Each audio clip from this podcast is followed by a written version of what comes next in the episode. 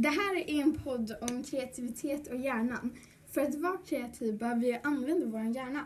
Så vi har en speciell gäst. Som heter John Bang.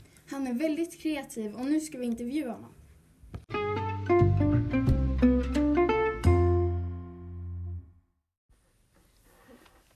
Är det svårt att komma på vad du ska göra? Med vad menar du? Liksom musiken. Alltså, Lektionerna som lärare? ja. Eh, ja, både ja och nej. Jag har ofta mycket idéer. Så att, att komma på vad jag ska göra är oftast inte svårt. Men att få det att bli bra för eleverna är det som är det kluriga. Liksom att räkna ut hur eleverna ska fatta allting som är i mitt huvud. Okej. Förstår. Mm. Eh, skulle du kunna kalla dig själv kreativ? Ja, Okej.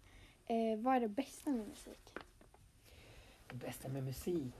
Och, eh, ja, alltså det där är ju knepigt. För mig som tycker musik är så himla viktigt så skulle jag ju inte kunna tänka mig ett liv utan musik på något sätt. Så jag använder ju musik hela tiden. Jag använder musik när jag är ledsen eller när jag eh, behöver bli peppad. Jag, jag, jag lyssnar på musik nästan jämt. Och det är väl det som är det bästa, att det blir som eh, nästan som, nu vet när man tittar på film och så är det musik med. Det förstärker, det gör allting lite bättre helt enkelt. Okej, så musik är nästan som typ ditt humör? Ish, om du lyssnar på det. Ja, kan man säga. Okej. Okej. Vad gör du när du får hjärnsläpp? Vad jag gör när jag får hjärnsläpp, jag till lektioner och Ja, i, alltså det händer ganska ofta. Då kan jag bli stressad. Um, men det är också så här. Um, jag, jag, jag får nästan mest hjärnsläpp när jag har för mycket tid. Om jag um, om jag inte är riktigt klar med en lektion och tänker jag kör bara så brukar det oftast gå bra ändå. Och det här har jag eh, gjort så mycket nu.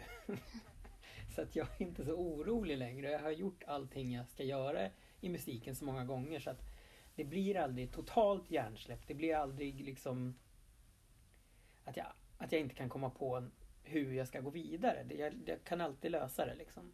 Så totalt hjärnsläpp blir det aldrig. Utan det är väl kanske snarare som om jag har en ny idé som jag vill hitta på och så kommer jag inte vidare med den. Då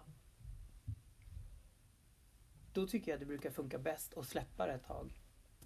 Och typ slappna av och um, kanske när man eh, håller på och diskar eller fixar någonting annat eller ut och cyklar eller något så kommer man på lösningen. Det bara på något sätt kommer när man slappnar av. Så tycker jag att det ofta är. Hur kom du på att du skulle vara musiklärare? Ehm, alltså om jag ska vara helt ärlig så kom jag på det för att jag, ehm, jag var ganska ung och ehm, jobbade som brevbärare. Och så ehm, kände jag att eh, jag var, vi, vi, ehm, fick, vi väntade barn, jag och min tjej då, som jag hade då. Vi var inte gifta utan vi helt plötsligt så väntade vi barn och då tänkte jag jag kan inte fortsätta jobba som brevbärare för att det är ett för, alldeles för tungt jobb och så tjänar man inte tillräckligt bra för att jag ska kunna ha det liv som jag vill som pappa för mina barn. Så då bestämde jag mig för att plugga vidare och då tänkte jag jag är ganska bra på musik så jag chansar på det här. Faktiskt, så var det från början. Men sen när jag började utbildningen så märkte jag hur kul jag tyckte att det var också. Men egentligen var det först bara av praktiska skäl. Kul. Finns det något mer du typ vill berätta som du tycker är viktigt att alla behöver veta om musiken? Om musiken här eller om musik generellt? Om musiklektioner eller hur tänker ni? Liksom musik generellt. Ja, eh, jag tycker att man ska våga ha ett öppet sinne för musik och jag tycker att man ska våga eh, uppleva musik och inte tänka så mycket på vad det är eller eh, vem som tycker vad utan ge, ge dina sinnen en chans att få uppleva musik liksom. Och höra kanske musik där där det kanske inte är musik. Jag kan ibland få för mig att en fläkt som brummar är musik för att det är som en ton i det där. Och jag tror att det är viktigt att på något sätt ha ett öppet sinne för saker och våga testa nya saker och känna efter lite. Det tycker jag är viktigt att ta med sig om musik. Ja. Tack så mycket Jan. Du var väldigt kreativ. Nu tänkte vi gå vidare till lite mer fakta om hjärnan. Så hjärnan består av tre delar. Stora hjärnan, lilla hjärnan och hjärnstammen. Stora hjärnan är uppdelad i två halvor och arbetar i par.